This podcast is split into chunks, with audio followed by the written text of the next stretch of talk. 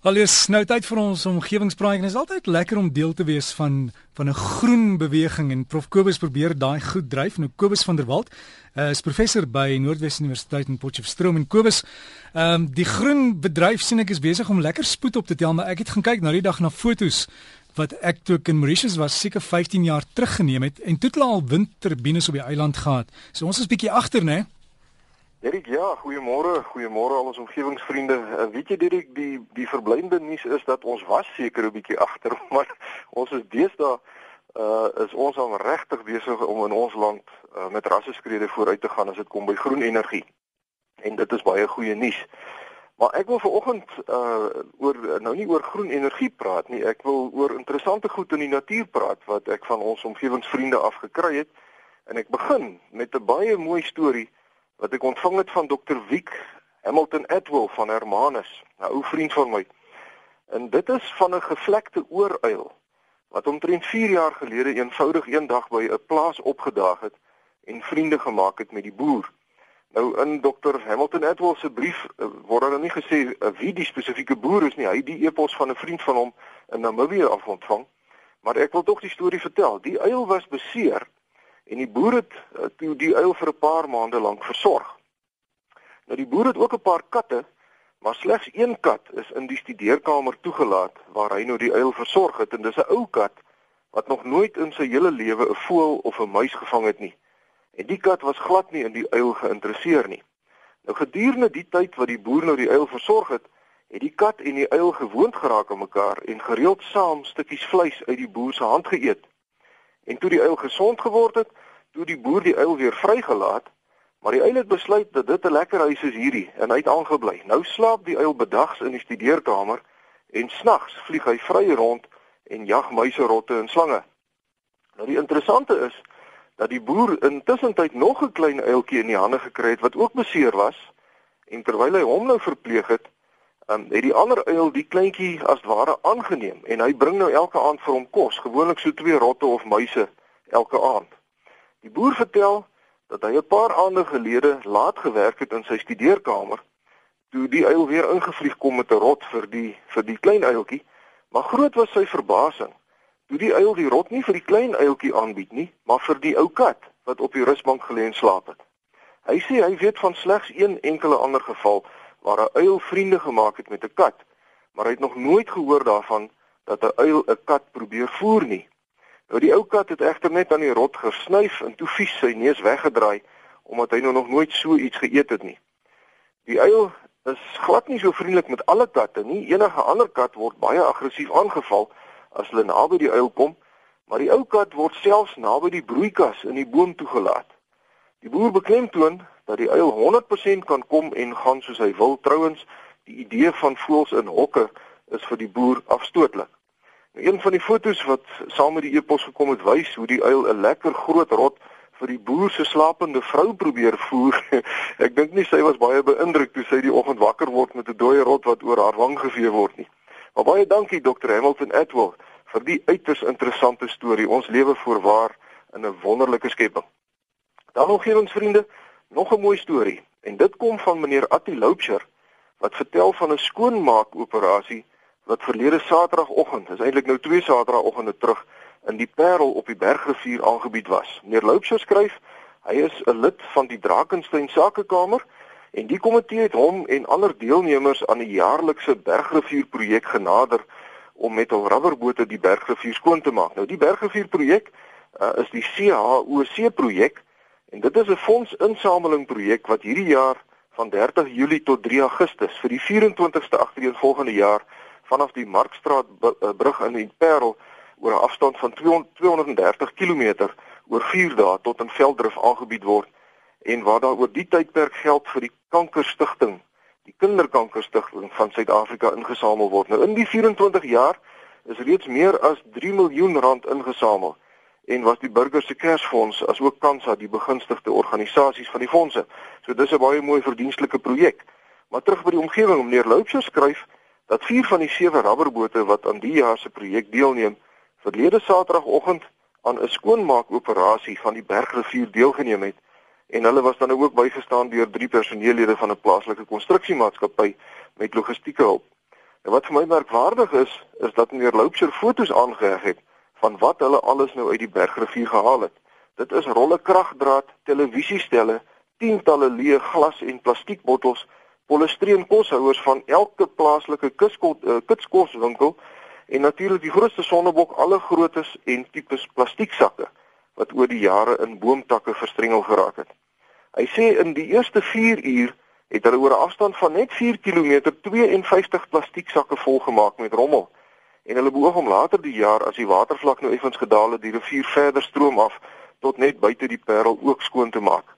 Meneer Loupsher sê dat alhoewel hulle in die Tygerberg woonagtig is en geen aandeel aan die besoedeling van die Bergrivier gehad het nie, was dit nogtans 'n baie bevredigende gevoel om op 'n konkrete wyse in uiters onhigiëniese toestande 'n sinvolle bydrae te kon lewer om die bergrivier bietjie skoner te maak en hulle sien reeds uit na die volgende uitdaging as meer rubberbote en deelnemers aan die volgende skoonmaakprojek gaan deelneem.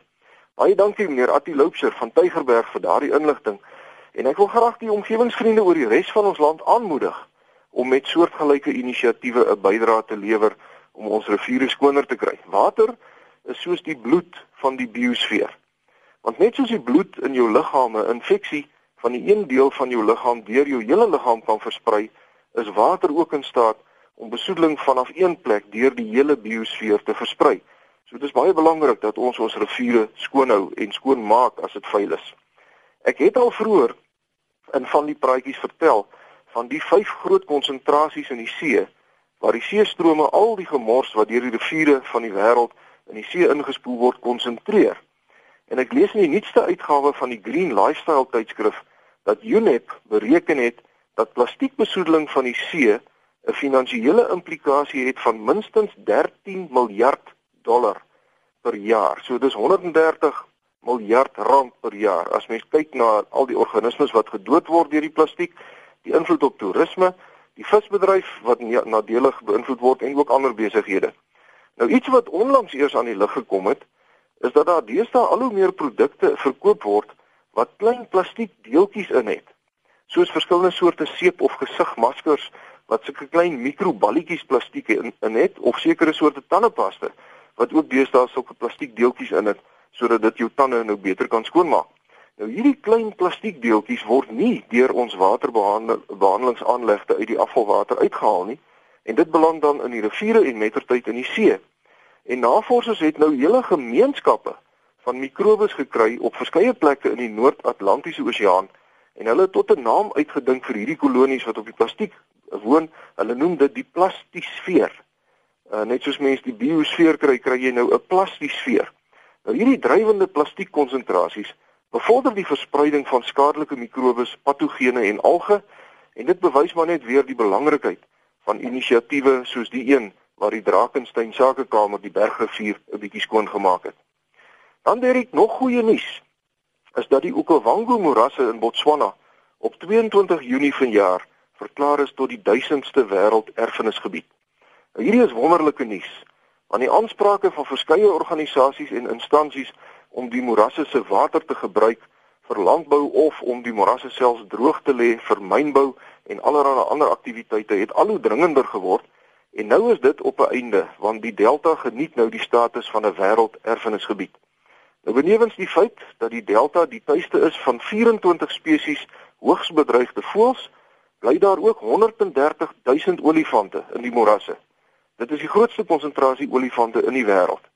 Nou die uniekheid van die Okavango is dat dit nie 'n wildtuin is nie, maar dat duisende inheemse mense al vir millennia lank op die delta staat maak vir water, hout, voedsel, boumateriale, medisonale plante en werkverskaffing deur die toerisme wat natuurlik goed gevestig is in die Okavango Delta. En dit is daarom 'n baie mooi voorbeeld van hoe die mens en die natuur in harmonie kan saamlewe, kan saam bestaan. Vir my persoonlik is dit die mees idilliese plek op aarde. Ek was nog net een keer vir 'n kort besoek in die Delta, maar dis een van die plekke wat ek hopelik nog 'n hele paar keer sal besoek voor ek nou die dag my kop neerlê. Uh en dan wil ek graag vanoggend afsluit direk met 'n laaste briefie wat ek ontvang het uh wat ek nou gaan uh, uh, behandel en dit gaan oor die lemoene wat by duine afrol en dan uitmekaar uitbars. Uh, gereelde luisteraars sal onthou ek het 'n hele paar weke gelede vertel van mense wat sê dat 'n lemoen as jy hom by 'n duin laat afrol daar in die Namak dan gaan hy so end af en dan bokspringe hy slag en dan ontplof hy amper. Nou ek het 'n brief ontvang van Mali en Drey van Wyk van Vredefort. En hulle sê hulle dit self al gedoen by Sossesvlei toe hulle lemoene teen Big Daddy laat afrol het. Nou Big Daddy is 'n duin wat omtrent 300 meter hoog is en dit word beskou as die hoogste duin in die wêreld. Nou hulle sê hulle het elkeen 'n klompie lemoene saamgevat en as hulle bo op die duin aankom, dan los hulle die lemoene een vir een en die lemoen begin afrol en binne oomblikke bereik dit 'n geweldige spoed. Nou die ruffeltjies van die sand laat die lemoen so bokspring en eh, as die lemoen so halfpad omtrent teen die duin afwas uh, af is dan spring hy in die lug en hy ontplof in stukkies. Hy sê sy vrou en haar vriendinne het afgeklim en entjies uitmekaar gaan sit omtrent waar hulle dink die lemoen gaan ontplof. So dis omtrent so die helfte van die duin af en dit is toe nou so as die lemoen by hulle verbykom dan tol daai lemoen so vinnig as gevolg van die middelpunt vleiende krag uh, dat hy half plat word en dit lyk amper soos 'n fiets se wiel soos wat hy nou in die ronde tol. En as die lemoene dan 'n slag in die lug inspring dan disintegreer hulle net daar. Hy sê hulle het dit ook op duin 7 naby Walvisbaai probeer doen, maar niks het gebeur nie, die duin is te laag. Dit moet uh, lyk my 'n baie hoë duin wees soos naby die kampplekke aan die noordoostelike kant van Sossesvlei daar by Big Daddy. Nou, baie dankie Mali en Dryf van Wyk van Vredefort.